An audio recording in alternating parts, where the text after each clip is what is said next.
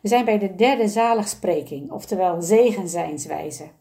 Het is natuurlijk een beetje een grapje, zo'n ouderwets woord voor, uh, voor de zaligspreking. Maar wat mij betreft doet het wat meer recht aan waar het over gaat. En uh, die is als volgt. Gelukkig de zachtmoedigen, want zij zullen het land bezitten. Gelukkig is gezegend, hè? En, en in de tijd van Jezus was dat eigenlijk al een heel vreemd woord. Wie ziet nu zachtmoedige mensen als succesvol? De meeste Joden zagen sterke en machtige mensen als succesvol.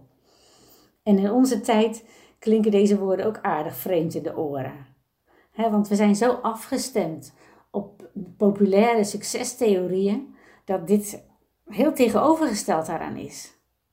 Want betekent zachtmoedig zijn dan dat we onszelf niet mogen verdedigen of dat je niet mag opkomen voor jezelf? Nou, als je naar de grondtekst kijkt, het Griekse woord praus, dat vertaald wordt als zachtmoedig, dat is geleend uit een uh, militaire term. En dat, dat gebruikten ze om oorlogspaarden te trainen. Die wilde natuur van die paarden die werd getemd. Zodat ze leerden reageren op een lichte aanraking van hun berijder, zelfs bij gevaar. Nou, ik vind het een prachtige symboliek, want een waarlijk zachtmoedig mens, in de Bijbelse zin van het woord, is niet passief of meegaand, maar vertrouwend. En zeker omdat je actief op God vertrouwt. En de Heer Jezus liet als geen ander zachtmoedigheid zien. Je kunt het eigenlijk zien als Gods kracht in complete overgave aan de wil van zijn Vader. En dat voorbeeld hebben we. En nogmaals, wij kennen zachtmoedig als meegaand of onderwerpend. En in termen van nu lijkt het wel alsof je een hulpeloze puppy bent die zachtmoedig is.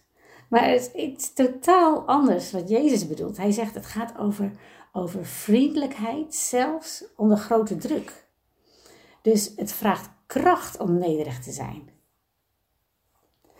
In um, ehm, 1 Petrus 3 staat het ook zo mooi. Je schoonheid moet niet gelegen zijn in uiterlijkheden, maar in wat verborgen ligt in je hart, in een zacht en stil gemoed. Jezus zegt het ook: neem mijn juk op je en leer van mij, want ik ben zachtmoedig en nederig van hart. Matthäus 11, vers 29. Dus juist het bewustzijn van zijn kracht was het geheim van zijn nederigheid en van zijn zachtmoedigheid. Jezus was groot omdat hij zachtmoedig was. En hij was zachtmoedig omdat hij groot was. En we danken u, Heer Jezus, dat u dat voorbeeld aan ons geeft. Vul ons hart met een verlangen om zachtmoedig te zijn en bouw het in ons. Dank u wel dat uw geest het in ons kan bewerken. We vertrouwen ons aan u toe. Amen.